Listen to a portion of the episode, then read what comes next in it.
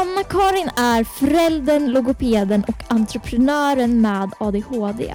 Hon är en av grundarna bakom Funka Mera som vill att alla ska fungera så bra som möjligt och säljer hjälpmedel till personer med olika funktionsnedsättningar.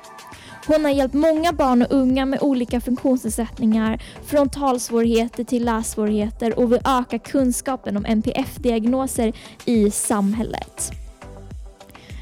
Anna-Karin har träffat på många barn och unga med olika NPF-diagnoser och är här för att prata om hur vi kan fungera så bra som möjligt. Så kul att ha med dig i podcasten Inte min svaghet, Anna-Karin! Vad fin, vilket fint intro. Det var nog det finaste någon har sagt om mig någon gång. Jag blev Nej, alldeles åh. varm. Vad roligt! Hur känns det att vara här med i podden? Det känns jätteroligt och jättespännande att vara med och jag blev så glad att eh, du hörde av dig eh, till oss och eh, ville ha med oss och mig i podden. Mm, kul, absolut. Jag tycker verkligen om det, det ni gör och er vision med Funka Mera då jag själv använder ett av era hjälpmedel som har hjälpt mig att strukturera upp saker i min vardag. Så kan du berätta lite kort, hur kom ni på idén med Funka Mera? Funka Mera, eh, egentligen är det min eh, kollega och som också är eh, medgrundare av Funka Mera som kom på idén när hon satt vid ett rött ljus och väntade på att det skulle bli grönt så hon kunde köra. Och, eh, och då handlade det om att hon har en son med eh, Downs Down syndrom som behövde olika typer av hjälpmedel och hon tyckte att det inte riktigt fanns. Eh, och då eh, kom hon på att ja, men då måste jag starta ett företag som säljer de här sakerna. Eh, så det var egentligen så Funka Mera föddes. Eh, jo, jag kom ungefär samtidigt på idén till ett företag som heter Only for Heroes som jag grundade eh, och som, han, som säljer språkligt träningsmaterial eftersom jag själv har jobbat som logoped i många år och haft eh, Eh, jag har sett att det funnits stort behov av material för att jobba med språket och stötta på olika sätt. Eh, och sen jag och Anna, som min kollega hette, vi träffades efter något år och bestämde oss för att köra tillsammans. Och då blev det Funka Mera som vi driver det idag, som föddes. Ja, och hur kom ni på idén med era hjälpmedel? Hur har ni liksom tänkt när ni utformar dem? Vi, eh, ja, vi, vi, utformar inte så mycket egna hjälpmedel men däremot så söker vi på marknaden både i Sverige och utomlands efter sånt som, ja ofta sånt som vi själva tycker att vi har behov av eller sånt som våra kunder hör av sig och, och säger att de behöver. Så vi försöker lyssna väldigt mycket på vad som finns, vad, vad andra efterfrågar eh, och också ja, hänga med i utvecklingen, just vad som tillverkas och sådär. Och egentligen alla hjälpmedel vi har provar vi själva. All, många av oss som jobbar i Funka Mera har NPF-diagnoser. Inte alla, men många. Så vi provar ut allting och testar det. Ja, då förstår jag verkligen hur ni, hur ni tänker när ni gör det. Och vad vill ni att Funka Mera ska uppnå? Jag tänker att vi ska bli eh, det själv klara valet när man, när man väljer hjälpmedel till sin skola, till sitt företag eh, eller till sig själv eller till sina barn. Eh, och att, att man ska veta om att vi finns eh, och att vi ska kunna hjälpa så många som möjligt såklart. Så det är väl en del. Men sen vill vi också uppnå eh, att kunna sprida så mycket information som möjligt i samhället om de här frågorna. Eh, så att det är nästan lika viktigt som det här med att sälja hjälpmedel, att vi vill nå ut med information och minska fördomar, sprida kunskap så mycket som det bara går.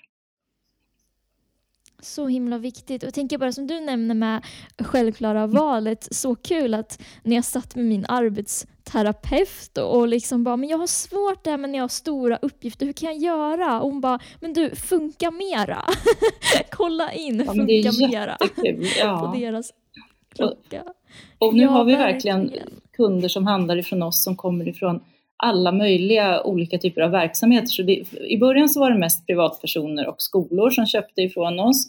Men nu är det eh, alltså kriminalvården handlar av oss. Vi har olika typer av företag som köper till sina anställda.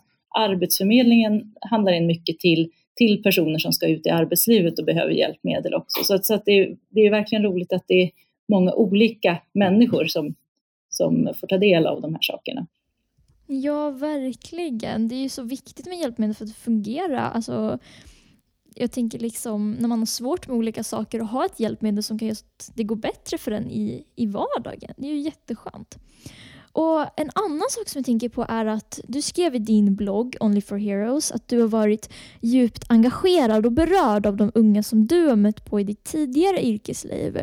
Från unga som du har hjälpt eh, till att ge föräldrar tuffa besked. Och berätta, hur har det känts för dig att hjälpa en ung person med NPF som har haft det svårt? Uh, ja, för det första så får jag ju säga att det, det som har varit frustrerande i jobbet som logoped är att alla som kommer till logopeden har ju naturligtvis stora förväntningar om att bli hjälpt med sitt barns språksvårigheter eller läs och skrivsvårigheter. Och och det är klart att vi kan ju alltid göra någonting, men det är ju väldigt sällan som vi kan fixa allting. Eh, och det, det, har jag känt varit en ganska stor eh, frustration, att man inte kan hjälpa mer. För man vill ju verkligen, det är också en del i min egen ADHD-diagnos, att man blir så himla engagerad och man vill ju liksom bara eh, ja, fixa så mycket som möjligt. Men sen så är det klart att det känns jätteskönt, bara det lilla man kan göra, om, om man kan ibland kan det vara så att man bara kan ge någon en dyslexidiagnos som gör att de förstår sig själva och kan få liksom rätt stöd i skolan eller i arbetslivet. Och det är ju självklart jätte, jättekul. Ja, jo men verkligen. Visst är det. Och jag tänker på det här med att ge föräldrar tuffa besked. Till exempel så läste jag i din blogg att det har varit vissa nätter du har haft svårt att sova när du vet att du ska ge föräldrar tuffa besked. Vad, vad kan det vara för besked då? Hur har det varit att prata med föräldrar i sådana situationer?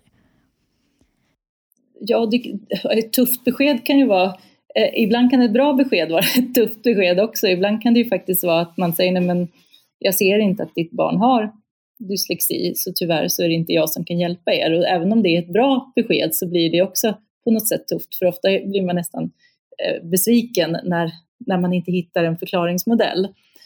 Eh, men sen kan det också vara ett besked att ja, ditt barn har en språkstörning som det heter och så kommer att ta svårt med språket hela livet. Och, ehm, och att det är ingenting som vi kan fixa här och nu utan det, det, det kommer liksom att krävas väldigt mycket framöver. Eh, och, det, och det är klart att det är ju eh, det är ju tufft att behöva vara den som ger beskeden och tungt också att inte kunna hjälpa till så mycket som man vill. Nej, verkligen. Och kan du berätta lite mer om språkstörningar? Hur, hur kan det påverka barn och unga på olika sätt? Ja, en språkstörning det är när språket inte utvecklas i takt med jämnåriga kan man säga. Eh, och man, man kan tänka att det är eh, eller språkstörningar är mycket vanligare än vi tror, men det handlar inte om att man har en nedsatt begåvning och det kan inte förklaras av att man har en hörselnedsättning eller något annat, utan det är verkligen att språket inte, inte utvecklas så som det ska och då påverkar det all språkinlärning kan man säga.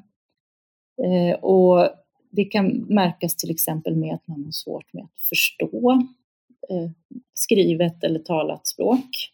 Kanske svårt att ehm, eh, svårt att föra en, ett samtal så här som vi sitter och gör nu, för man kanske inte riktigt uppfattar frågorna eller inte uppfattar nyanserna i språket i frågorna.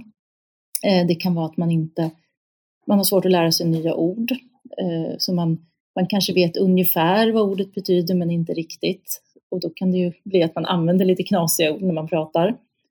Eh, och sen kanske det som, det som de flesta hör och ser det är ju att man kan ha svårt med grammatik och uttal så att man får eh, meningen man säger kanske har felaktig grammatik eller att man talar otydligt. Så.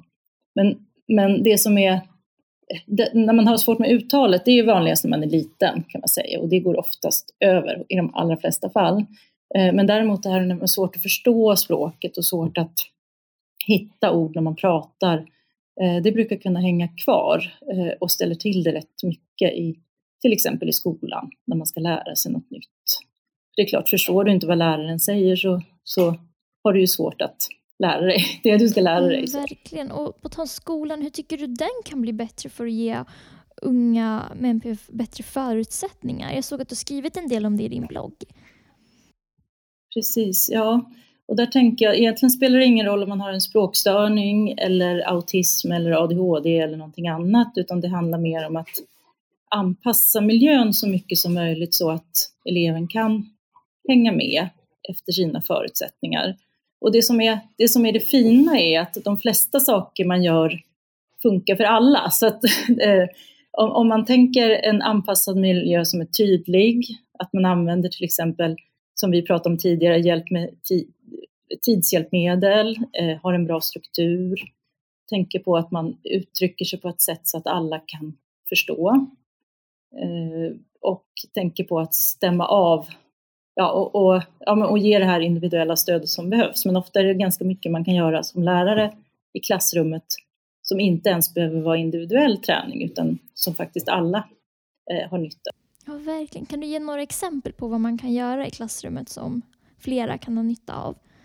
Precis. Eh, man kan börja med att ha en tydlig struktur så att alla elever vet vad som kommer att hända och när ungefär. Eh, eh, för mig med ADHD, jag är väldigt beroende har jag insett av att veta när saker ska hända. Händer något som är oförutsett så kan jag bli väldigt stressad till exempel.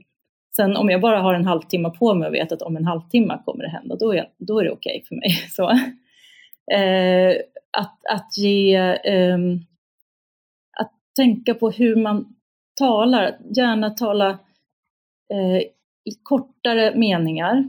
Hellre dela upp informationen i, eh, i flera korta meningar än att prata i väldigt långa haranger. Eh, just det här hur man ger instruktioner är en ganska viktig bit. Eh, ja, dra ner på mängden prat är faktiskt ett bra tips. Eh, och det är ju en träningssak, för det är inte så lätt. Att försöka uttrycka så mycket som möjligt men med så få ord som möjligt. För ju fler ord vi använder, desto krångligare blir det att hänga med. Oavsett om man har en språkstörning eller ADHD eller autism. Så att tydliga, korta meningar är bra ta med det viktiga. Vad intressant. Jag har inte reflekterat så mycket på, på just det, men nu när jag tänker efter i skolan så är det ju skönt, det som du sa, med alltså, en tydlig struktur när man är där. Så att man kan få så bra förutsättning som möjligt att men, klara av olika saker i skolan. Jag, jag, brukar jämföra lite med om man åker utomlands och kanske, ja men säg att det är någonstans där de pratar engelska eller, eller ett språk som man kan lite grann men kanske inte jätte, jättebra. Och vad, vad, vad, kan man behöva då? Säg att du går på konferens och, och så pratar de engelska. Eh, jag vet inte hur bra du är på engelska, men om man tänker som vi i Sverige, vi, vi är bra på engelska, men när det går fort eller när det är svår, ett svårt ämne så kan man ha svårt att hänga med i alla fall. Och då kan man ju behöva, eller man, man har ju mycket lättare att hänga med ifall de pratar långsammare och inte pratar så mycket. eller om du tittar på en engelsk film på engelska utan text så kan det vara svårt när det går för fort till exempel. Så det kan vara ett bra experiment att, att testa, eh, testa hur det är att titta på en film på ett annat språk utan att det är textat. Och så kan det vara när man har en språkstörning till exempel.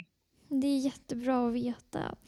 Och jag tänker på tal om det här med NPF-diagnoser och lite som vi pratar om i samhället så får vi höra alla möjliga fördomar om NPF-diagnoser och eh, förutfattade meningar. Och vissa säger att det är en superkraft att ha en NPF-diagnos och andra säger att det är eh, jobbigt att leva med en diagnos. Vad tycker du själv? Skulle du säga att det är en superkraft att ha en NPF-diagnos?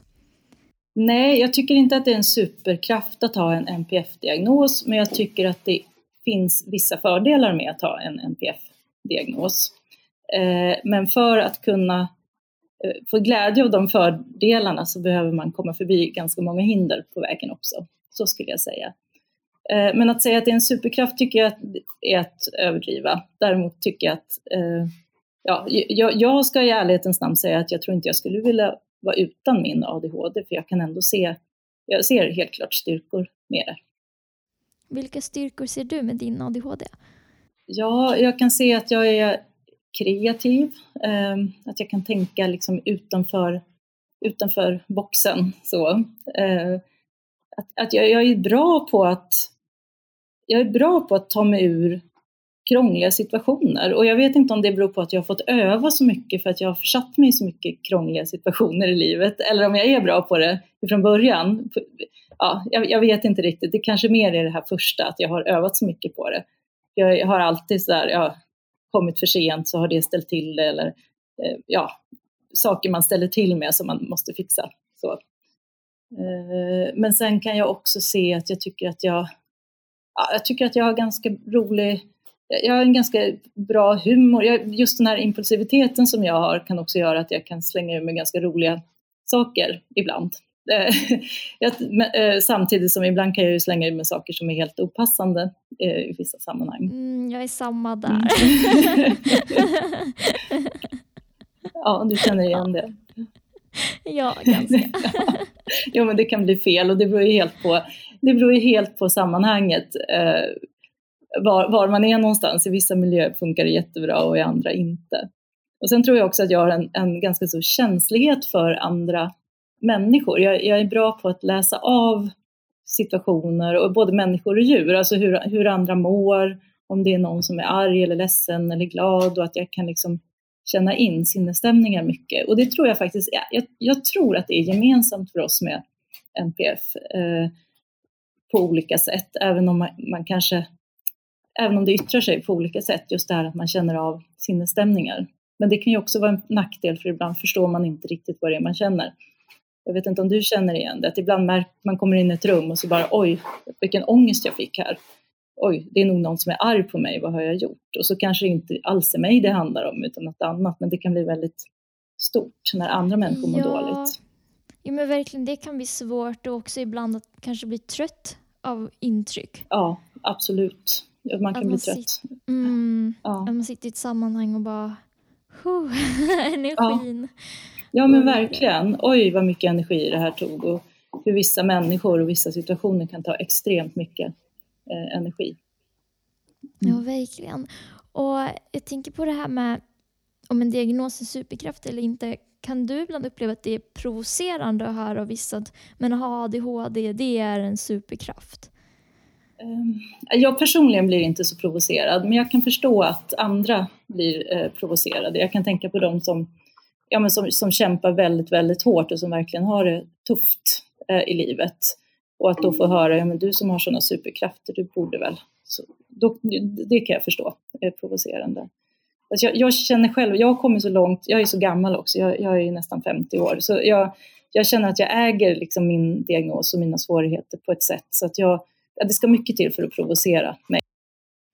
Och hur, det var så intressant. Hur kommer man till det, att man börjar äga sin diagnos? Vad har lett dig till att göra det, processerna dit? Jag tror att det är mycket reflektion, eh, att många erfarenheter. Jag tror att det jobb jag har och att jag, att hela min vardag, hela mitt yrkesliv kretsar ju kring NPF-diagnoserna, vilket gör att jag träffar många människor och pratar väldigt mycket om de frågorna. Eh, jag har också gått i terapi, eh, jag har gått liksom, ja, men i olika typer av, av eh, liksom, olika typer av stöd just för att reflektera kring mig själv och vem jag är. Så det är nog bara ett långt arbete. Och så himla viktigt arbete också med sig, med sig själv. Att göra. Jo, för det handlar väl på något sätt om att inte vara ett offer, eh, men samtidigt acceptera att, jag, jag har ju accepterat, jag har ju begränsningar eh, som jag alltid kommer att ha och det, och det är okej att det är så, men det, det är klart, jag kan ju ha dagar när jag är jättearg och förbannad för att jag inte, ja, jag tycker bara att jag sabbar saker sådär. Eh, och att jag inte fungerar hundraprocentigt. Men så tänker jag att ja, men jag är sån. Det, det får vara okej. Så. Ja, och, och hur, vilka är dina bästa tips när det kommer till acceptans? Att, liksom att acceptera att man har vissa begränsningar när man inte vill vara det. Eller när man känner sig men typ konstig och liksom så här, varför är jag inte som alla andra? Alltså, jag tror det är jättebra att prata och sätta ord eh, på vad man tänker och känner. Och det är okej okay att säga, eh, jag ska inte sitta och svära i, i den här podden, men att verkligen säga jag är så, liksom, ah, ja, jag hatar mig själv kan man ju sitta och säga ibland. Bara slänga ur sig de här sakerna man tänker, även om det är hårda ord mot sig själv.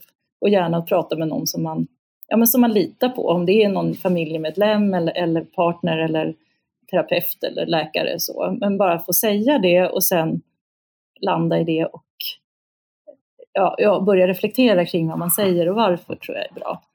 Eh, för sen ska man ju inte fastna i de känslorna, men det är ändå viktigt att få ur sig dem tror jag. Eh, ja, och sen, jag, jag, jag tror att jag, jag har lärt mig att i mitt fall så går det väldigt mycket upp och ner. Jag har mörka stunder nästan varje dag när jag känner liksom att uh, på havets botten sådär, uh, hela livet är skit, usch vad jag hatar mig själv, bla bla bla. Och sen så kan det gå en kvart och sen är jag jätteglad igen. Eh, och nu har jag kommit så långt att jag till och med när jag är längst ner på havets botten så kan jag tänka att ja men just ja, nu är det så här men det blev ju bra igår så det blir nog bra idag igen också. Jag får bara ge det lite tid. Och då kan jag också säga det till mina, ja men den som råkar komma i min väg när jag mår dåligt att just nu mår jag inte så bra men det kommer, det kommer liksom att bli bättre så det är ingen fara. Sådär.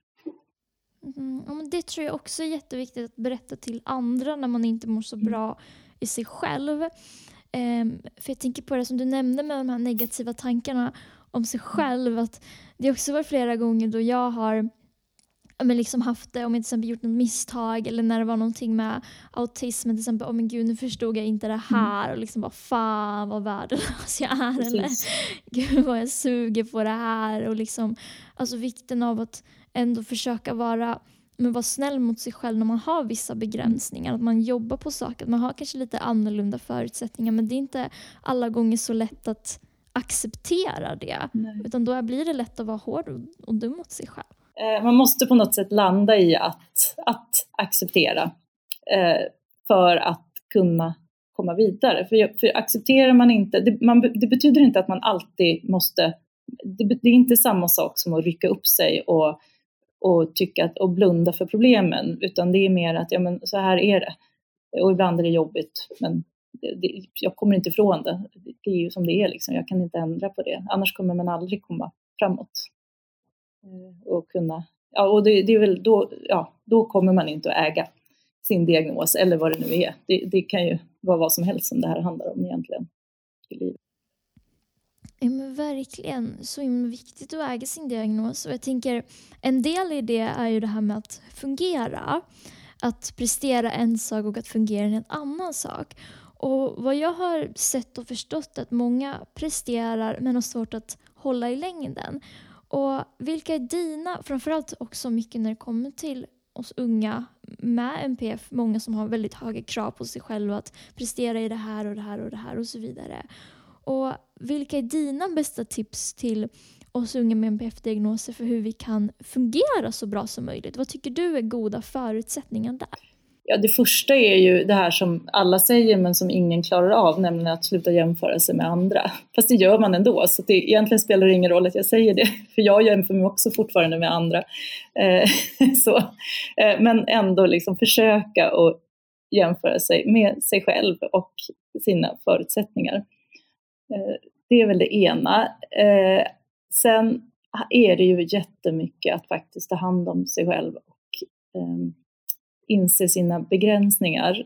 Och jag, eh, jag körde alldeles för hårt när jag var yngre. Jag jobbade för mycket. Jag, eh, jag satt uppe på nätterna och tittade på film och gick upp tidigt på morgonen. Eller, jag hade liksom ingen riktig ordning på tillvaron så. Eh, och nu har jag kommit till en gräns att jag skulle aldrig klara det. Men det, man orkar ju det när man är yngre, men det har också sitt pris. Så att om man kan börja i tid och tänka att okej, okay, när man har NPF så behöver man Eh, rutiner. Man behöver, de flesta av oss behöver sova mer än andra.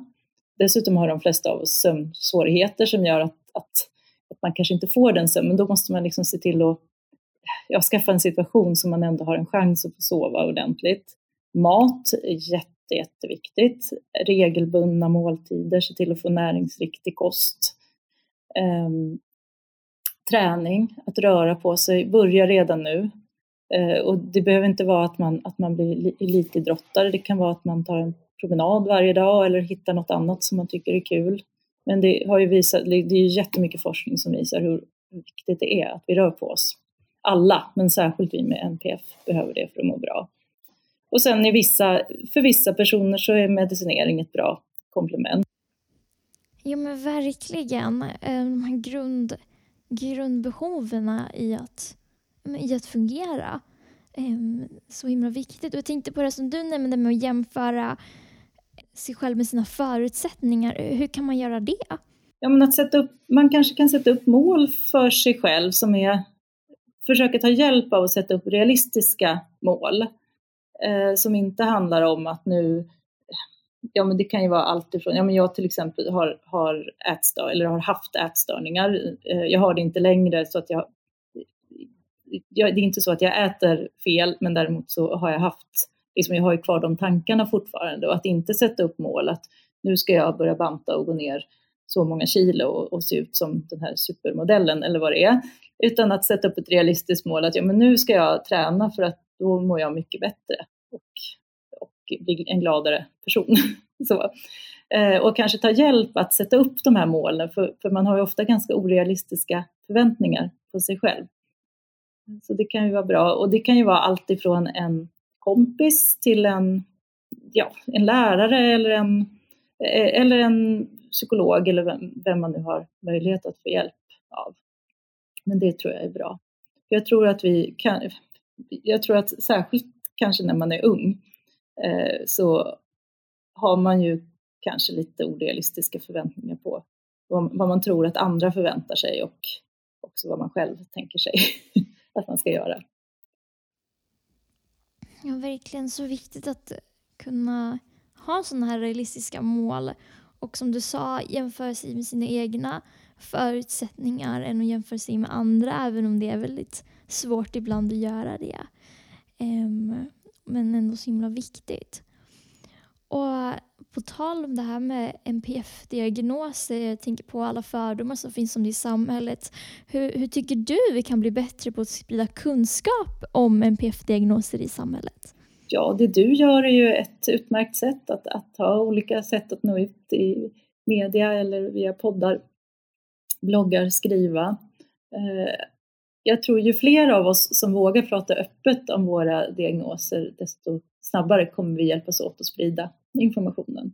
Sen har jag full respekt för att det finns en del som av olika anledningar faktiskt inte klarar att berätta och prata. Och då, men då får vi andra eh, liksom ta och göra lite mer istället tror jag. Ja, men verkligen. Och jag tänker på många som inte vill berätta och kan antingen till exempel skämmas över att ha en diagnos. Jag läste till exempel, det var en influencer som la upp så här, berätta er hemlis typ på sin Instagram story och då var det någon som skrev att hon har en diagnos och det var liksom en, en hemlighet. Och hur tycker du att eh, vi kan jobba med det, att, om man skäms för sin, att man har en diagnos? det är väl att försöka läsa på och kanske försöka hitta någon att prata med. Eller, eller hitta en förebild då som, som eh, också har en diagnos. Jag tror att ju mer man lär sig om sin diagnos, desto mindre kommer man skämmas. Jag tror ju mycket att kunskap är makt. Det tror jag också, verkligen. Det finns ju så bra, det finns ju böcker att läsa, men jag tänker också poddavsnitt, eh, eller till exempel hjälpmedel. För om man har, för jag tänkte på det här som pratade om innan, där med om diagnos superkraft eller inte, att jobba med de här hindren eller de här begränsningarna man har. Och då är till exempel hjälpmedel som funkar mera har ett, ett bra sätt att liksom hjälpa sig själv på. Ja, verkligen. Eh, och vi har ju många hjälpmedel som faktiskt inte ser ut som hjälpmedel utan nästan, en del saker finns ju dessutom ute i leksaksaffärer eh, fast vi har ju lite mer åt det hållet då.